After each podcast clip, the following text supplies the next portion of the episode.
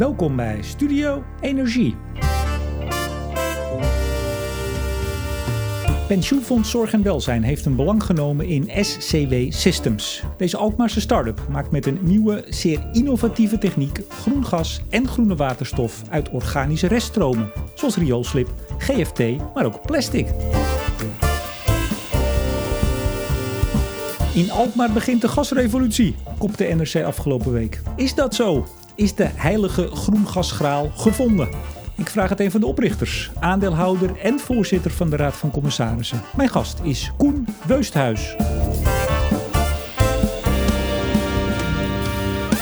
En op deze uitzending wordt weer mede mogelijk gemaakt door energieleverancier De Nutsgroep, Team Energie van Ploem Advocaten en Notarissen en netbeheerder Steding.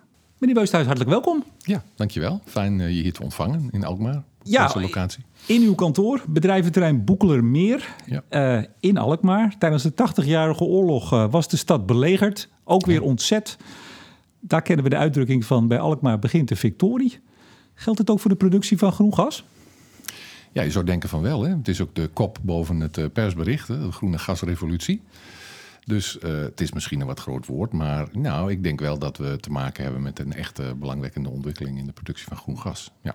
We zitten hier ook bij de fabriek. Dit is niet alleen het kantoor, dit is ook de fabriek. Of is het, een, het is een demonstratiefabriek ja, eigenlijk? Het is uh, strikt genomen een demonstratiefabriek. Dus de essentie van de fabriek is eigenlijk dat we in deze fabriek met de installaties die hier uh, staan, CQ straks staan, laten zien dat we een robuuste werking van deze technologie kunnen demonstreren. Ja, en dan is het de eerste industriële superkritische biomassa-vergasser ter wereld, is mij verteld. Ja, het klopt wat je zegt. Het is een hele mond vol, hè? Ja. Maar het is echt een, het is echt een wereldprimeur. Of, zij, of, of, worden er ook andere gebouwd waar we het dan maar niet over hebben? Nee, ik denk, uh, voor zover wij weten, is het echt een, uh, een wereldprimeur. Uh, we weten dat er hier en daar op de wereld natuurlijk, en ook in Nederland overigens, wel geëxperimenteerd wordt met het concept van superkritische watervergassing. Maar voor, voor, zover wij weten is er nergens op de wereld uh, op deze schaal, hè, dus op, de, op industriële schaal, een superkritische vergasser gebouwd. Pogingen zijn daartoe wel ondernomen, maar het is tot dusver niet gelukt. Wat is het principe? We gaan het er straks uitgebreid ja. over hebben, maar het principe van superkritische ja. watervergassing. En ik zeg er even bij, SCW, de naam van het bedrijf, is ook Supercritical Water Gasification. Gasification, ja, precies. Ja, het principe, het is een wonderlijk principe. Uh, het is eigenlijk uh, gebaseerd op een uh, eigenschap, een bijzondere eigenschap van water. want water is een bijzonder goedje. we kennen allemaal water en we kennen ook allemaal water in zijn drie reguliere zijnstoestanden, zou ik bijna zeggen. Hè? Zoals ijs en water en stoom. En we weten ook dat water in die verschillende verschijningsvormen een hele eigen karakteristiek he hebben. Op ijs kan je schaatsen, maar op water niet. En wat veel mensen niet weten, en ik zal eerlijk zijn, wat ik zelf ook niet wist, zeven jaar geleden, was dat water nog een vierde verschijningsvorm heeft. En die vierde verschijningsvorm, dat is zogenaamd superkritisch water. Ja, dan breng je het onder uh, grote druk. Uh, ja. Meer dan, wat is het, 221 bar geloof ja, ik. Uh, boven de 371 graden boven 75? de 375 75 graden, precies. Ja. Dan komt het in die fase en dan vallen eigenlijk de, de, de koolwaterstofverbindingen die vallen uiteen, zeg ik maar even. Ja, precies. Ja, dus uh, organisch materiaal is opgebouwd uh, uit uh, lange moleculen, hè, verbindingen van CH en O. Hè, even in scheikundige termen, lange koolwaterstofverbindingen. En superkritisch water die kraakt eigenlijk die lange koolwaterstofverbindingen. Je krijgt dan groen gas, waterstof, ja. CO ook je houdt nog wat andere spulletjes over, de anorganische stoffen. Ja, het is eigenlijk een fysische wet hè, hoe dat gebeurt. Um, op het moment dat je organische reststromen in superkritisch water vergast, krijg je eigenlijk uh, CH4, H2 en CO2. CH4 is uh, methaan, uh, H2 is waterstof en CO2 is kooldioxide. En daarnaast is het inderdaad zo, omdat water, superkritisch water apolair is, hebben de uh, mineralen en de zouten die normaliter opgelost zitten in het water, die lossen makkelijk op in water, die slaan in superkritisch water neer. Je zou kunnen zeggen, ze, ze hebben niet langer een houvast aan het water. En uh, dat is een interessante bijvangst van het proces. Want in de superkritische fase van de reactor halen wij de neergeslagen mineralen en zouten halen we uit het systeem. En die komen dan eh, beschikbaar voor hergebruik. Ja, en uiteindelijk hou je ook nog schoon water over. En uiteindelijk houden we schoon water op. Ja. Hebt u nou die techniek ontwikkeld? Past u hem toe? Want u zei al, er zijn meer partijen mee bezig, experimenteren. Ja. Maar Hoe, hoe is dat zo ontstaan? Ja.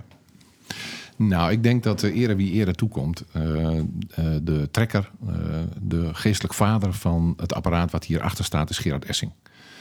En Gerard heeft, ik ben samen met Gerard, ik denk een jaar of zes. U ook de directeur hier, hè? U ja, bent de CEO. aandeelhouder en raad van commissarisvoorzitter. Ja, en sinds kort inderdaad hebben we, omdat we nu het pensioenfonds Zorg en Welzijn als minderheidsaandeelhouder hebben hebben we een structuur gemaakt met de, raad van met de Raad van Commissarissen en de Raad van Bestuur. En in die Raad van Commissarissen zit PGGM. PGGM is, zou je kunnen zeggen, de uitvoerder van uh, de pensioenstrategie van uh, PFC2. En uh, in die hoedanigheid ben ik nu voorzitter van de Raad van Commissarissen, ja. inderdaad. Maar meneer Essing heeft maar, het uh, bedacht en precies. die is begonnen in 2013? Ja, we zijn in 2013 zijn we begonnen met ons te verdiepen in superkritische watervergassing. Gerard was dat uh, op internet tegengekomen. we waren met z'n tweeën, waren we, we hadden echt met z'n tweeën, ook wel min of meer bij toeval hadden we als doel dat we graag een bijdrage wilden leveren aan de energietransitie. En dat we graag, we waren allebei in de gelegenheid dat we de tijd en de middelen hadden om daar wat in te investeren. Beetje centjes dus. Wat centjes en ook wat tijd. En uh, vervolgens, en Gerard uh, zeg maar, was, daar, uh, was daar heel gedreven in, om even zo te zeggen. En Gerard heeft gewoon op een gegeven moment, al allerlei wetenschappelijke artikelen lezend, kwam hij deze technologie op het spoor. En vervolgens hebben we ons een poosje georiënteerd in de markt. Van uh, wat gebeurt daar nou precies? Uh, wie is daarmee bezig? We hebben ook hier en daar met wat partijen uh, gesproken. En ik herinner me dat nog als de dag van vandaag. Op een gegeven moment belde hij mij, volgens mij was dat in de zomer van 2013. En toen zei die Koen, zegt hij, ik heb bedacht, ik ga het zelf doen. Nou, Want nou, eigenlijk keek u misschien om te gaan investeren ergens? nou, daar hebben we wel over nagedacht. Hè. Dat was een optie geweest, maar uiteindelijk hebben we daar niet voor gekozen. Uiteindelijk heeft hij dat is expliciet zijn besluit, komt op zijn konto, heeft gezegd: ik ga het zelf doen. En toen zei ik, nou Gerard, dat is nogal wat. Hè? Want uh, ja, dit is niet een sinecure. Ja, want u had inmiddels gezien wie er allemaal mee bezig waren. Dat waren waarschijnlijk ook niet Min de minste partijen. Ja. ja, nou dat waren veel partijen die uh, in combinatie met een aantal universiteiten in Nederland... Hè, bijvoorbeeld met Delft of met Eindhoven, maar ook Enschede... die allemaal een beetje eigenlijk op laboratoriumschaal bezig waren... om te kijken of ze deze technologie tot ontwikkeling konden Maar dat is Nederland. Maar gebeurt er in de rest van de wereld niks? Nou, in Karlsruhe staat er uh, één. Uh, en ik weet dat ze in China bezig zijn. En uh, er staat in Amerika een superkritische vergasser. En dat is eigenlijk de enige superkritische vergasser in de wereld die in gebruik is, voor zover zij, wij weten. En wat die vergasser doet, die staat in Kentucky, is dat hij ehm, gifgassen van de Amerikaanse defensie, en ook wel uit Syrië, dacht ik, gifgassen die over datum zijn of die moeten worden afgebroken, die worden gekraakt in superkritisch water. Dus dat geeft al aan welke enorme kracht er, eh, er zit in die, uh, in die technologie en in dat uh, concept. U bent bedrijfskundige van huis uit? Ja. Uh, bij Grondmei begonnen, jaren 80. Ja, ja. jaren 90 Weusthuis en Partners begonnen. Procesmanager in de ruimtelijke ontwikkeling. Ja. Nou, dat klinkt als iets heel anders. Ja. en in 2013 dus, ja, u zei het al, medeoprichter van SCW.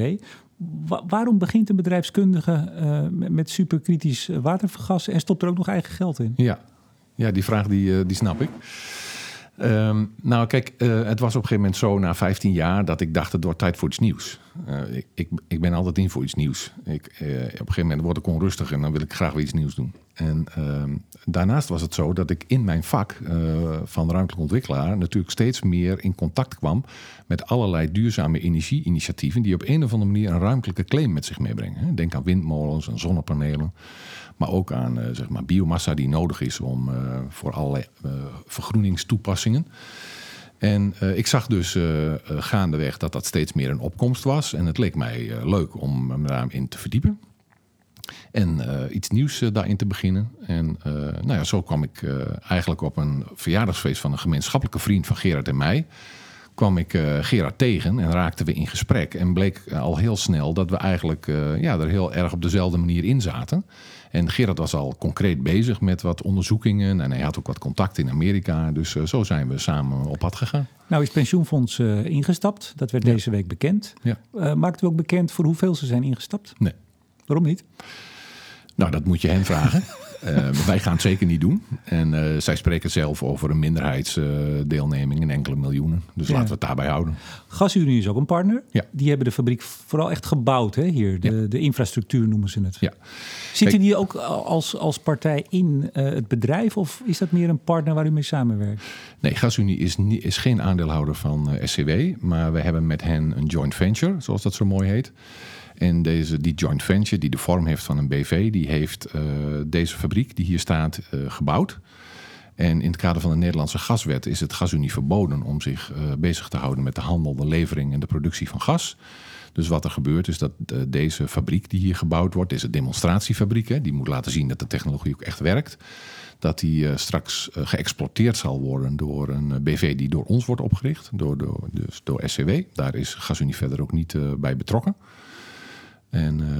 Nou, dat, dat eh, markeert de verhouding tussen ons. Zijn, er nog andere partijen, zijn er nog andere aandeelhouders? U bent het. Ik neem aan eh, Gerard Essing Ja. als, als directeur. Ja, en Eh, dan hebben we nu? die gezamenlijke vriend van ons, Gerrit, Oh, die zit er ook in. Gerrit van Domselen, die is ook aandeelhouder. En Gerard heeft op een gegeven moment in zijn zoektocht naar kennis over deze technologie contact gelegd met Doug Henry. Die was verbonden aan de Universiteit van North Carolina, Duke University. Die eh, was gepromoveerd op het, onderdeel, op het onderwerp superkritische vergassing. En daar is hij een paar keer naartoe gevlogen. En op een gegeven moment is Doug geëmigreerd. Dus die woont nu in Haarlem.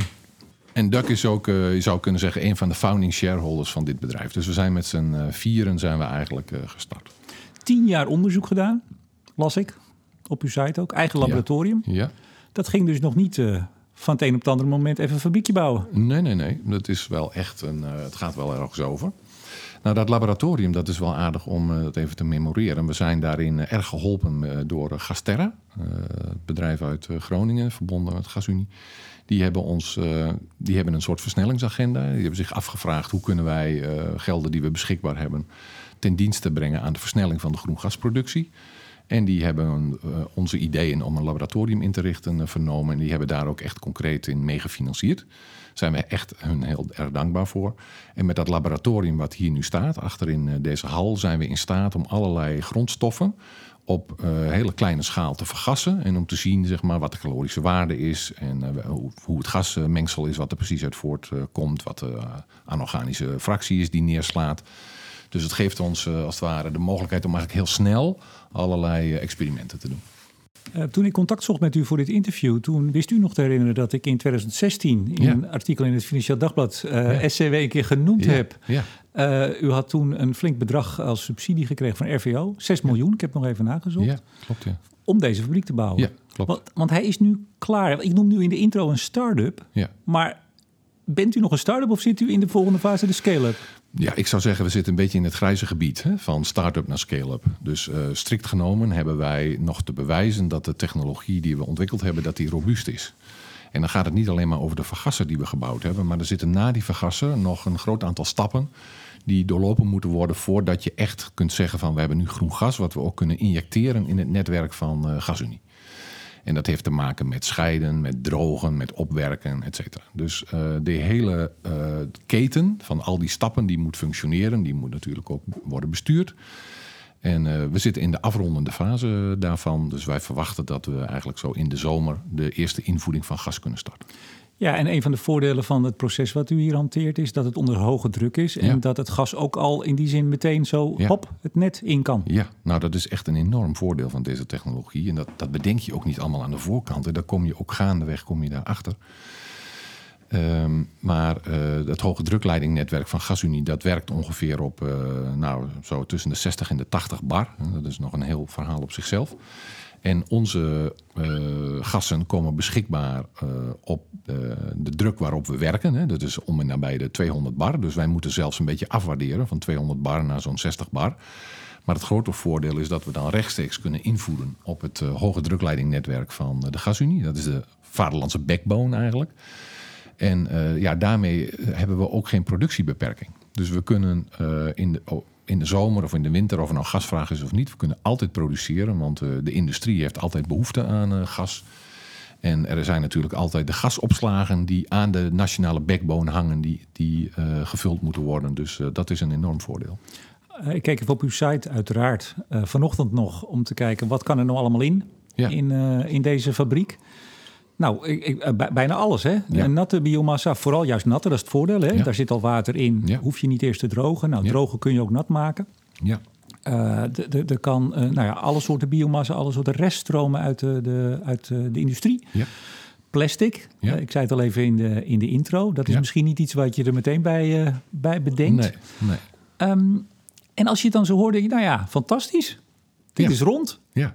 Maar u bent er al wat jaartjes mee bezig. Wat was nou de grootste uitdaging? Of wat is de grootste uitdaging? Ja. Ja, dat zijn twee vragen in één. Hè? Ja, hier kunnen we waarschijnlijk nog twee uur over praten. Misschien wel drie, maar misschien kunnen we het ietsje korter. Wat is... Ja. U, hebt dat Nou, vast wel eh de, grootste, de grootste uitdaging eh, in de, de technische ontwikkeling eigenlijk, hè, de ontwikkeling van het systeem, dat zijn de verplakkingen die eh, plaatsvinden in de opwarmingsfase van de biomassa. Verplakkingen. Ja. Dus eh, je moet je voorstellen dat eh, biomassa wordt ingevoerd ehm, eh, op een relatief lage temperatuur. Hè. Dus wij voeren waarschijnlijk in zo ergens rond de 100 graden. En dan wordt de biomassa wordt langzaam opgewarmd. En op weg naar de superkritische fase, en ook in dat eerste deel van die superkritische fase, dan krijg je bijvoorbeeld teervorming. En eh, dan krijg je olieachtige resten. En ook zouten bijvoorbeeld, die verplakken aan de wanden. En veel van de andere partijen die bezig zijn met deze technologie, die werken op laboratoriumschaal en die krijgen voortdurend te maken met verstoppingen. En dan loopt het systeem loopt voortdurend eh, dicht. En eh, dan krijg je dus niet een soort continue productie. Maar goed, ik- zij, zij hadden er last van, maar u dus ook. Ja, ja, daar hebben wij ook last van. En dan kom ik terug bij Gerard Essing. eh, want eh, ja, wat hem kenmerkt is dat daar waar anderen problemen zien, ziet hij de oplossingen. En dat lijkt me maakbaar, zegt hij dan. En het, het grote verschil, denk ik, is dat Gerard vanaf het allereerste moment gekozen heeft voor eh, de industriële schaal. Dus we hebben nooit op laboratoriumschaal gewerkt. We hebben meteen gekozen voor lange pijpen, grote pijpen. En ik denk dat dat een heel essentieel verschil is. Dat juist die keuze die we gemaakt hebben om meteen op industriële schaal te beginnen, gericht op, op industriële productie, dat Gerard oplossingen heeft kunnen vinden die andere partijen niet konden vinden, eh, omdat ze op laboratoriumschaal bezig waren. En g- gaat u die oplossing ook vertellen? Of is dat eh, superbedrijfsgeheim, eh, patenten, et cetera? Ja, ja, dat, eh, ja dat, dat, je zult begrijpen, dat zijn, eh, dat zijn echt mooie oplossingen. Daar hebben we ook eh, patenten voor lopen. We hebben inmiddels eh, het eerste patent min of meer binnen. We wachten op de administratieve afhandeling. Die heeft vooral te maken met die oplossing die we gevonden hebben voor eh, zeg maar, eh, voorkomen van verplakking en, en, eh, en, en het dichtlopen van het systeem. Maar we hebben ook andere patentaanvragen nog lopen. Dus als je het goed vindt, dan eh wou ik het daartoe beperken. Ik, ik las in het artikel in, eh, in NRC ook dat, dat tot voor kort als hier Kamerleden kwamen... dan mochten ze er ook niet over twitteren. Dat Nee. was flink geheim, hè? Ja. Nou ja, we realiseren ons wel degelijk dat het een bijzonder apparaat is wat we gebouwd hebben. En dat daar op wereldwijde schaal belangstelling voor zal zijn. En ja, dus denk ik dat het voor de hand ligt dat we daar een beetje voorzichtig mee zijn. Ja. Wat is het grote nadeel van superkritisch biomassa water vergassen? ja, ik had gehoopt dat je me naar de voordelen gevraagd zou hebben. Die, die, die zijn redelijk evident, eh, zeker Ja. voor onze eh, eh, deskundige luisteraars. Ja. En daar komen we zo nog wel op. Ja. Maar is er een nadeel? Nou ja, je zou misschien kunnen zeggen dat het nadeel is dat het. ehm, nou, het is natuurlijk een, het is niet een eenvoudig stukje techniek. Wat je op kleine schaal bijvoorbeeld bij een, eh, bij een boerderij of bij een bierbrouwer of bij een energiebedrijf of zo, wat je zo even kunt neerzetten. Hè, je, we werken eh, onder hoge druk, dus ongeveer 240 bar. En we werken ongeveer op 550 graden. In een machine die 2000 liter biomassa per uur eh, verwerkt. En als dat apparaat aanstaat dan, en, je, en je, je, je bent daarbij in de buurt, eh, dat kan op dit moment bijna niet meer, omdat het allemaal met veiligheidsvoorschriften omgeven Ik, is. ik, kwam, ik was nog niet binnen of ik kreeg al de veiligheidsinstructie Ja, waar ik me moest melden Ja, als het misging. Ja, ja, dus daar zijn we heel scherp op. Maar dat, dat, het is een enorme, er zit een enorme macht in dat apparaat. Hè. Het is bijna een, ik zou bijna zeggen, het is bijna een bruut apparaat. En eh, ja, dat is dus wel een apparaat wat je eh, in ieder geval op dit moment nog niet op decentrale schaal kunt, eh, kunt toepassen. Eh, dus Maar waarom zou je ook? Want het Ja. kan zo het, het, het net in. Eh Ja. Zet er het op een paar plekken neer en eh, Ja. gaan. Ja, zeker. Dus er zitten ook veel voordelen aan een paar grotere centrale productielocaties. Maar eh, het, het zou ook op termijn mogelijk kunnen zijn, wellicht dat het, eh, dat het ook decentraal eh, handig zou zijn om dat te doen. Bedoelt u in vergelijking met wat we kennen van biomassa, vooral vergisting, mestvergisting, wat Ja. heel lokaal bij boeren nu plaatsvindt? Ja, bijvoorbeeld. Ja. Hmm. ja, maar daar denken we dus op dit moment niet aan, maar wellicht op termijn. Ik zei het, plastic, valt hier ook onder. Ja. Onder de organische reststromen. Die moet u toch even uitleggen. Ja. Ja, dat is een beetje een eh, terminologische kwestie. Op het moment dat je het over organische reststroom hebt, dan denk je niet meteen aan plastic, althans ik niet. Ik ook niet. Maar strikt genomen eh, zijn organische stoffen opgebouwd uit koolwaterstofverbindingen. En plastics bestaan ook uit koolwaterstofverbindingen. Dus in die zin zijn het zeg maar vergelijkbare moleculen. Het zijn eigenlijk organische moleculen. En ehm, ja, we kregen op een gegeven moment ook eh, dat in de gaten. En we hebben inmiddels in ons laboratorium ook daadwerkelijk allerlei testen gedaan. Met het vergassen van allerlei verschillende soorten plastics. En ik kan je vertellen dat eh, dat gaat heel erg goed. En, ehm, U lijkt zelf wat verrast. nou ja, weet je, dat is het leuke van dit avontuur wat we samen zijn aangegaan. Is dat je, je begint ergens aan en gaandeweg dan zie je dat er steeds meer luiken opengaan. En we zijn gaandeweg steeds meer gaan inzien welke enorme eh, potentie deze technologie heeft in allerlei verschillende richtingen. En eh, ja, we hadden twee jaar geleden hadden we plastics niet op het netvlies. En dat hebben we nu wel. En ik denk dat daar echt grote mogelijkheden zijn. En wat heel aardig is bij plastics, dat is ook dat eh, het gasmengsel wat daaruit vrijkomt, is niet alleen methaan, eh, waterstof en kooldioxide, maar dat zijn ook zogenaamde hogere koolwaterstofverbindingen. En die hogere koolwaterstofverbindingen zijn ontzettend interessant als bouwstenen, bijvoorbeeld voor nieuw plastic of voor andere materialen die door de chemische industrie worden gemaakt. Enig idee waarom de Shells en de BP's van deze wereld hier nog niet mee aan de slag zijn? Of zijn ze dat wel en weten we dat misschien nog niet? Nou, ik weet van Shell dat ze zich georiënteerd hebben op superkritische vergassing. En dat ze, daar, dat ze daarmee bezig zijn geweest. En ze hebben het op een gegeven moment losgelaten. En ik, ik, weet, ik weet niet precies waarom ze het losgelaten hebben. Eh, De STOA bijvoorbeeld vanuit de waterschappen is ook eh, bezig geweest. En die hebben het op een gegeven moment ook losgelaten. Omdat ik denk, maar dan vul ik het een beetje in. Ja, want die hebben al in, ik geloof 2013 zijn die onderzoek gaan doen, hè? Experimenteel. eerder En- al, ja. Al eerder al, ja, Ja, precies. En eh, ik heb een mooi rapport gevonden, gelezen, maar inderdaad losgelaten. Ja, maar voortdurend die verplakkingen en die verstoppingen. Hè? Dus het lukte niet echt om het apparaat gewoon op industriële schaal aan de praat te krijgen. Ik denk dat dat toch het essentiële verschil is. Die anorganische stoffen, die zouten, u zei dat eh, eigenlijk aan het begin al, dat is een mooie bijvangst. Wat doet u daarmee? Ehm, nou, eh, u- je begrijpt dat eh, onze inzet is om die stoffen in- voor recycling beschikbaar te maken. Hè, dus bijvoorbeeld stel dat je rioolslip vergast of je vergast mest, dan komt daar een behoorlijke fosfaatfractie uit. Het zou natuurlijk fantastisch zijn als die fosfaatfractie terug kan worden gebracht naar de kunstmestindustrie, waardoor je een, een kringloop sluit, een hele moeilijke grondstoffenkringloop. Nou, u zegt dat dat zou fantastisch zijn, Ja. maar dat is dan fantastisch. Of wat, wat- waar, waar hangt dat op? Nou, ik, ik kies bewust deze woorden omdat ik vind dat we nog wat bewijslast hebben. Eh, we weten strikt genomen nog niet helemaal precies hoe die solids, zoals wij ze noemen, dus die neerslag die uit die reactor eh, komt, hoe die moleculair precies is opgebouwd. En Noemt het ook een reactor? ja. ja, ik noemde het een reactor. Ja. Ja.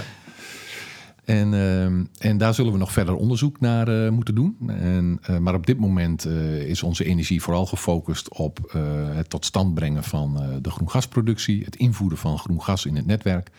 En ja, first things first, zeg maar. Dus we gaan ook op niet al te lange termijn gaan we bezig met die solids. En gaan we op onderzoek uit om te kijken hoe we die solids zodanig kunnen, eh, eh, nou ja, kunnen oppikken, zeg maar, dat ze beschikbaar komen voor recycling. Om eh, de reactor onder hoge druk te brengen en hoge temperatuur, daar moet wat energie in. Ja, Houdt u wel wat over aan het eind? Ja, ja, dat is de vraag die veel gesteld wordt. Ja, zeker houden we wat over. Ehm, het is ongeveer zo dat we eh, de hoeveelheid energie die we eruit krijgen, dus dat zijn kilowatts gas, om het dan maar even zo te zeggen, eh, ten opzichte van kilowatt elektriciteit die we nodig hebben om de reactor te kunnen bedrijven, daar zit een verhouding tussen van ongeveer 5, sta- eh, 5 tot 7. 1 staat tot 5 à 7. Ja, dus en die 5 tot 7 die is afhankelijk van de calorische waarde van de biomassa die je erin steekt.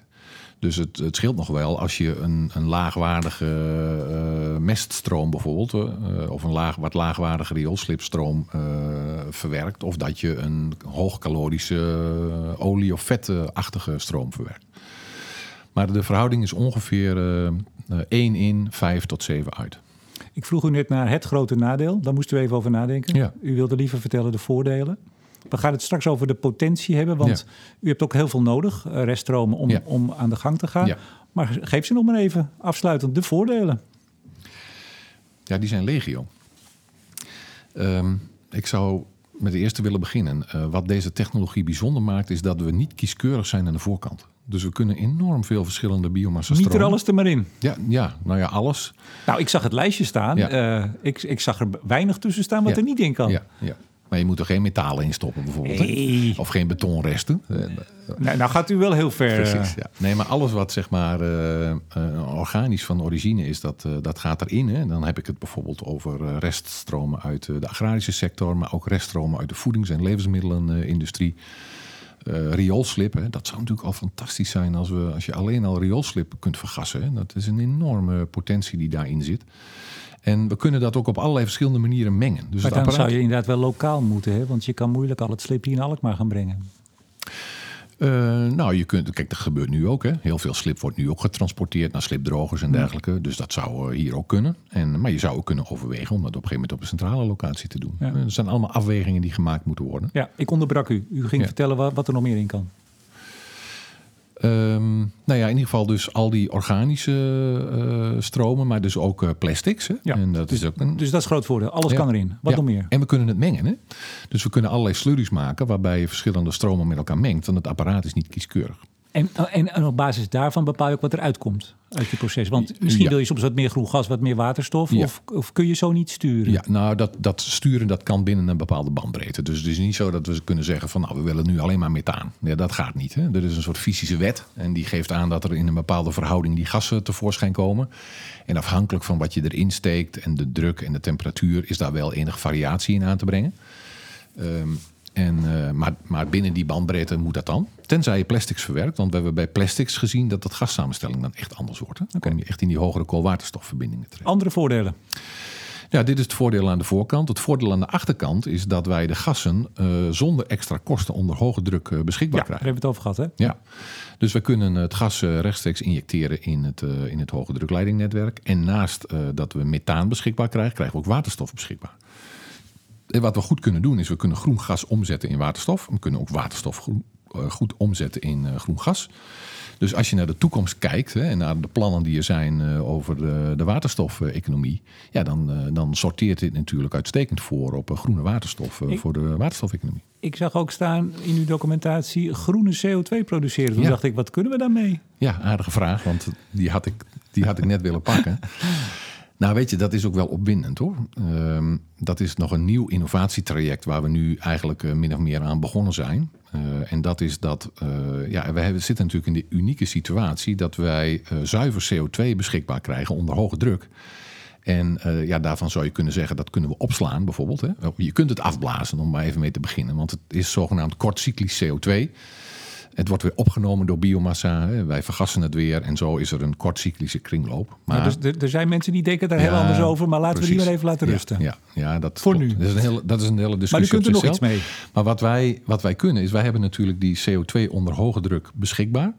En uh, ja, die, kan, die komt bijvoorbeeld beschikbaar om uh, ondergronds op te slaan. Alleen, ja, daar zijn we eigenlijk ook niet zo voor, weet je. Uh, dus wij hebben gezocht naar, kunnen we daar nou een andere oplossing voor vinden... die ook in termen van, van klimaatwinst en milieuwinst aantrekkelijker is. Nou, ik ben benieuwd. Ja, dus wat we, wat we nu doen is, en daar zijn we mee bezig... is dat we die CO2 willen, permanent willen vastleggen in materialen. En bijvoorbeeld in bouwmaterialen of in materialen die in de papierindustrie kunnen worden gebruikt. En, uh, Kijk meer CCU in plaats van CCS. Ja, dan wordt het Utilization, gebruik. Ja, ja, precies. Kijk, je kunt CCU ook doen uh, door het CO2 in een kast te brengen en het weer te laten opnemen door biomassa. Maar weet je, dat effect is natuurlijk ook maar tijdelijk. Gebeurt ook, hè? Maar op het moment dat je het in bouwmaterialen vastlegt, uh, en je zag in het persbericht ook dat we nadenken over een cementvervanger, ja, dan ben je het voor eeuwig kwijt. Maar hier hoor ik natuurlijk al heel lang heel veel partijen over en dat schiet nog niet heel ja. erg op. Ja. Nou, ik, uh, ik uh, kan je vertellen dat, dat, ik, uh, dat ik de voortgang die we daarin boeken, dat ik die opwindend vind. En tegelijkertijd hebben we daar nog het een en ander te bewijzen. Dus ik wou de voet ook graag in de grond houden. Er verder niet al te veel over zeggen. Maar het zou natuurlijk fantastisch zijn als het ons zou, zou lukken om die CO2 die vrijkomt, om die gewoon permanent vast te leggen. En dan worden we. Dan hebben we een soort negatieve emissietechnologieën. Dan, dan verwarmen we niet de atmosfeer, maar dan koelen we de atmosfeer. Dus dat zou, dat zou geweldig zijn als dat zou kunnen. 110 miljoen kuub uh, groen gas vorig jaar, totale ja. productie in Nederland, ja. vooral van mestvergisting, et cetera. Ja. Waar denkt u aan? Wat, wat kunt u produceren? Nou, laat ik het bij de feiten houden. We, we bouwen hier nu de demonstratiefabriek. En op het moment dat die in volle ornaat is, om even zo te zeggen, dan produceert hij ongeveer 15 miljoen kuub groen gas. En dan hebben we het over hoogcalorisch gassen. Dus er is nog een verschil tussen hoogcalorisch gas en Groningen gas. Dus die 15 miljoen kuub hoogcalorisch gas, die vertaalt zich naar nou, ergens tussen de 17 en de 20 miljoen uh, Groningen gas, denk ik. Doe ik het even uit mijn hoofd. We gebruiken ongeveer 40 miljard kuub per jaar. Ja, die, nee, ik zeg het even voor de luisteraar. Die getallen zijn enorm. ja, dus daar kom ik ook niet aan. Maar de plannen die we hebben, dat is dat we nu een uitbreiding willen realiseren in Alkmaar. En uh, die uitbreiding die gaat dan richting de 100 miljoen uh, kuub uh, groen gas, hoogcalorisch. Hè? Dus dan matchen we, zou je kunnen zeggen, bijna de huidige groengasproductie. Verdubbeling. Ja. En dan hebben we hem samen met GasUnie en inmiddels ook met uh, PGGM, CQ PFZW, hebben we uh, het plan om tussen nu en, nou laat ik zeggen, vijf jaar, 20 petajoule aan groen gas te produceren. Help, help even heel snel hoeveel kuub dat is. Ja, dat is ongeveer een half miljard kuub groen gas. 500 miljoen kuub. Dat schreef GasUnie ook al in het jaarverslag, geloof ik, hè, vorig jaar. Ja, precies. En we zijn ook bezig nu om de, de, productielocaties die we daarvoor nodig hebben, om die in beeld te brengen en daar planologisch op voor te sorteren. En hoeveel locaties hebben we het dan over? Hoeveel fabrieken? Nou, we denken nu aan uh, naast Alkmaar nog twee. Uh, de eerste is in Delfzijl, in de provincie Groningen. En de tweede is in de Rotterdamse haven. Uh, dus daar zijn we ook in. We zijn met beide partijen in gesprek. We hebben ook concrete grondopties in beeld. Gaan we binnenkort ook eh, handtekeningen voor zetten. En, uh, dat nou. is wel prettig, want u, u komt uit Groningen. U kwam nu ook net even aangereden vanuit Groningen en Alkmaar. Ja, ik Waarom zit u eigenlijk hier? Door Gerard, door de, de, directeur? Ja, de waarde is soms prozaïs. Ja, nee, Gerard die woont in Schorl. En uh, dat was natuurlijk een hele praktische omstandigheid. Maar daarnaast is het zo dat uh, hier rondom Taka... dat is de, het bedrijf die de Bergama gasopslag uh, bedrijft dat hier het, uh, het Nationale Gasexpertisecentrum is gevestigd, Investa. En uh, ja, de gemeente Alkmaar heeft natuurlijk ook heel, die heeft ons echt geholpen. Aardig om te zeggen, denk ik. Die hebben echt hun nek ook voor ons uitgestoken. En die hebben uh, er ook voor gezorgd dat wij hier onze vestigingsplaats konden vinden. Ja, want dit heet ook geloof ik dit Energy Innovation Energy Innovation Park, Park EIP. Park. Ja. ja. Ik, ik, uh, ik heb al even een filmpje gemaakt, zal ik op Twitter ja. zetten, waarin je dit allemaal bij elkaar ziet. Hè? Je tegenover Taka, ik zie een, een, een zonnepark op een waarschijnlijk een afvalvuilnisbelt, hè? denk ik klopt. zo. Die heuvel die hier ligt. Ja. Er staan die windmolens. U zit hier, HVC inderdaad, zit, zit, zit verderop. Het is hier een en al energie. En het komt hier bij elkaar. Fossiel en, uh, en niet fossiel. Ja, absoluut. Ja. Um, Evert Hassink is van Milieudefensie en die twitterde, uh, naar aanleiding van ook het uh, krantartikel, waar, waar, veel mensen op aansloegen. Die zei afvalvergassen, superkritisch water, indrukwekkend, innovatie, maar de hoeveelheid is beperkt. Ja. U kwam net op die 500 miljoen kuub. Ik geloof in 2023 zou dat moeten zijn. Ja. Uh, nou, vergelijk je dat met 40 miljard, is het inderdaad weinig. Maar even zijn, nou ja, kritische opmerking dan toch even. Ja. Hoe, in hoeverre snijdt die hout? Hoe ver kunt u komen uiteindelijk uh, met hoeveel afval? Ja. Nou, die opmerking snijdt hout. Dus uh, er is een grens aan uh, de hoeveelheid grondstof die uh, beschikbaar is voor, voor deze technologie. Waarbij ik zou willen zeggen dat deze technologie niet alleen zeg maar gaat over het produceren van groene energie, maar ook van groene grondstoffen. En we zitten steeds meer, we krijgen steeds meer in de gaten zeg maar, dat we hoger in die afvalhierarchie met groene grondstoffen goed uit de voeten kunnen.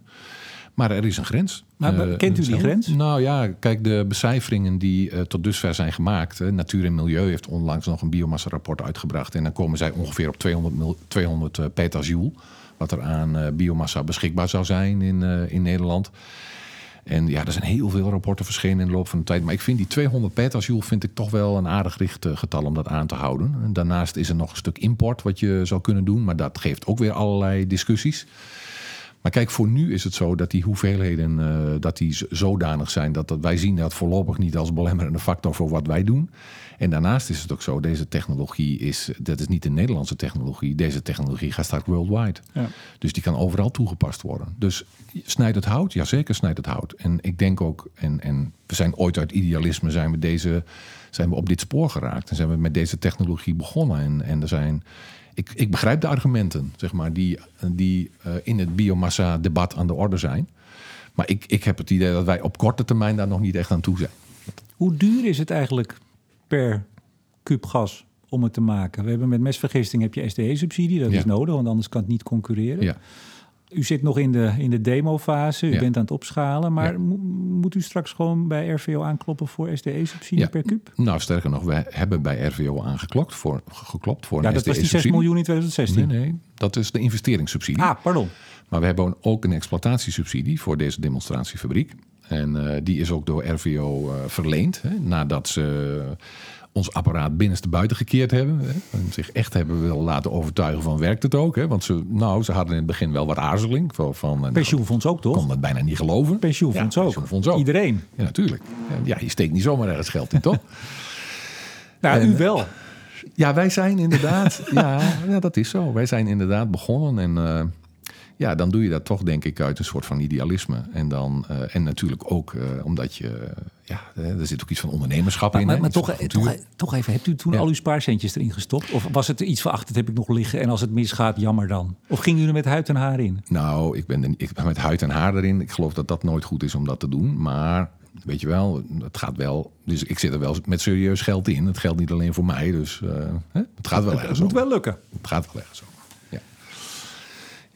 Maar, die SDE-exploitatiesubsidie. Ja, die SDE-exploitatiesubsidie die hebben we gekregen, dacht ik, in 2015. Doe ik het even uit mijn hoofd. En dat was voor ons natuurlijk heel belangrijk. Want wij kunnen op dit moment nog niet zonder SDE-subsidie deze technologie bedrijven. En ook al denken we dat we goede eh, uitgangspunten hebben om eh, zeg maar op enige termijn subsidie onafhankelijk te worden. En misschien wel sneller dan we denken, omdat er nog allerlei waardecomponenten zitten in dit Ja, maar wacht proces. even, ho, ho, op enige termijn denken Ja. dat we... Waar hebben we het over? Ja, dat durf ik niet te zeggen.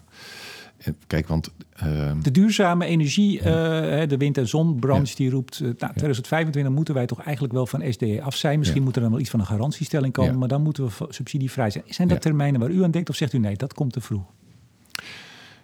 Eh, nou ja, kijk, ik kan u wel zeggen waar ik aan denk, maar ik, ik, ik, ik, kan ik heb geen glazen bol. Ik kan niet zeggen of we dat waar kunnen maken. Maar het zou, het zou fantastisch zijn als wij bijvoorbeeld op een termijn van een jaar of tien of zo in de buurt komen van subsidie-onafhankelijkheid. Maar ik, ik, dat, dat kan ik niet zeggen. Maar wat ik wel kan zeggen is, er zitten een aantal waardecomponenten in deze technologie die we op dit moment gewoon business-wise nog niet helemaal goed in beeld hebben. Die hebben bijvoorbeeld te maken met eh, die CO2-mineralisatie, waar we nu mee gestart zijn. Die hebben te maken met die hogere koolwaterstofverbindingen die tevoorschijn komen. Die hebben te maken met de verwaarding van de solids waar we over gesproken hebben. Dus er zitten nog allerlei elementen in die zeg maar, op een positieve manier een bijdrage aan die business case zouden eh, geven.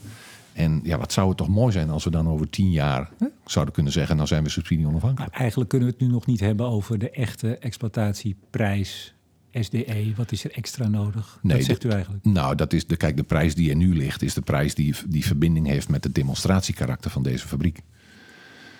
En eh, ja, u- je begrijpt dat het, aan, dat het ligt aan de voorkant natuurlijk wat hoger dan dat die over tien jaar zal liggen. U zei de contracten gaan bijna getekend worden hè, voor de andere locaties. Ja. Die twee. Ja. Ehm, is, is, is al het geld al binnen? Want ik... Nou, ik, even misschien eh, voor de nuancering. Het gaat om grondoptie-overeenkomsten. Oké. We zijn zowel met Rotterdam als ook met Groningen Seaports, hè, dus met Rotterdam Havenbedrijf als met Groningen Seaports, zitten we in, eh, nou, in de laatste fase van eh, de gesprekken over die eh, contracten. En ik verwacht dat dat op korte termijn getekend wordt. Maar u hebt nu een partij aan tafel, een belegger. Ja. Eh, nou, ik neem aan met een reden, namelijk voor de financiering voor de Ja. groei. Zeker. Dus waar, waar, waar staan we binnenkort? Eh, hoeveel geld is er nodig? Laat ik het zo zeggen. Eh, nou, kijk, in, in eerste instantie is het natuurlijk zo dat wij eh, met deze demonstratiefabriek de robuustheid van de technologie moeten bewijzen. En daar is een hoeveelheid geld voor nodig en die hoeveelheid geld is beschikbaar. Dus eh GasUnie. Hoeveel, hoeveel hebben we het over? Gewoon even over de duim. Nou ja, ik denk ook dat je hebt kunnen lezen in eh, de persberichten dat het over ongeveer 20 miljoen eh, euro gaat. Hè? Wat hier nu, waar we nu Deze zitten, fabriek. in Ja, zit. dat stond ook in het jaarverslag van eh, GasUnie. Dus, en die, dat geld is, is geregeld. Zowel GasUnie als wij zeg maar, zitten daar voor 50% in. En nou, ik durf te zeggen, zeker ook nu met de toetreding van het pensioenfonds als minderheidsaandeelhouder, dat wij de financiële middelen hebben om de robuustheid van de technologie te bewijzen met deze fabriek. En het zou best eens kunnen zijn dat dat, op, eh, dat, dat in dit jaar, hè, ik verwacht eigenlijk dat dat in dit jaar zal beginnen. En, en tegelijkertijd, weet je, het blijft innoveren. Dus je komt voortdurend dingen tegen die onverwacht zijn. Maar met de kennis die ik heb, zeg ik van, eh, ik, ik verwacht en ik hoop dat we dit jaar dat kunnen bewijzen. Nou, en dan willen we wel echt eh, tempo maken. En daarin worden we ook wel een beetje, uh, daar worden we ook wel op aangesproken door andere partijen. GasUnie wil ook uh, gas in de pijp, om maar even zo te zeggen. Dus die willen graag productie maken, hoeveelheden realiseren. Dat geldt ook voor het pensioenfonds. Maatschappelijke bijdrage leveren. Dus de eerste stap is, die we doen is dat we hier Alkmaar uitbreiden. Dus dan gaan we richting 100 miljoen uh, kuub groen gas. Ja, en daar is die 20 miljoen voor nodig? Of hebben we het over 20 miljoen wat hier nu al in zit? Ja, 20 miljoen wat hier nu in zit. En voor die uitbreiding? Ja, en voor die uitbreiding, nou dat getal dat hou ik nog liever even achter.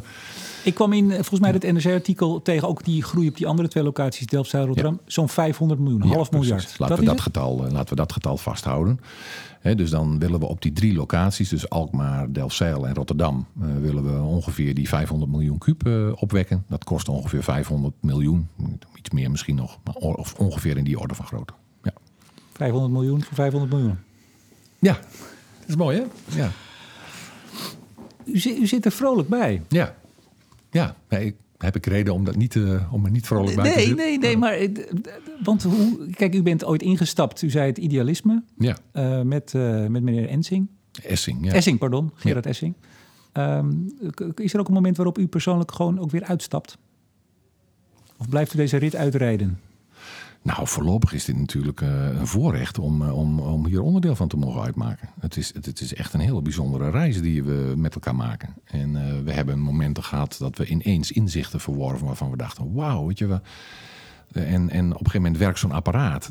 nou, Remco, dat is, weet je, dat is echt. Ik, ik herinner me nog goed, want we hadden een aantal pogingen gedaan. En het was, nou, een keer of drie of zo was het niet gelukt om een of andere argument. En, toen, en ik was er de eerste twee keer was ik erbij. En, maar de keer dat het uiteindelijk lukte, was ik er niet bij. Dat was s'nachts om één uur. Dus ik werd s'nachts om één uur gebeld. Ik weet het nog goed. En, uh, en dan doet hij het, weet je.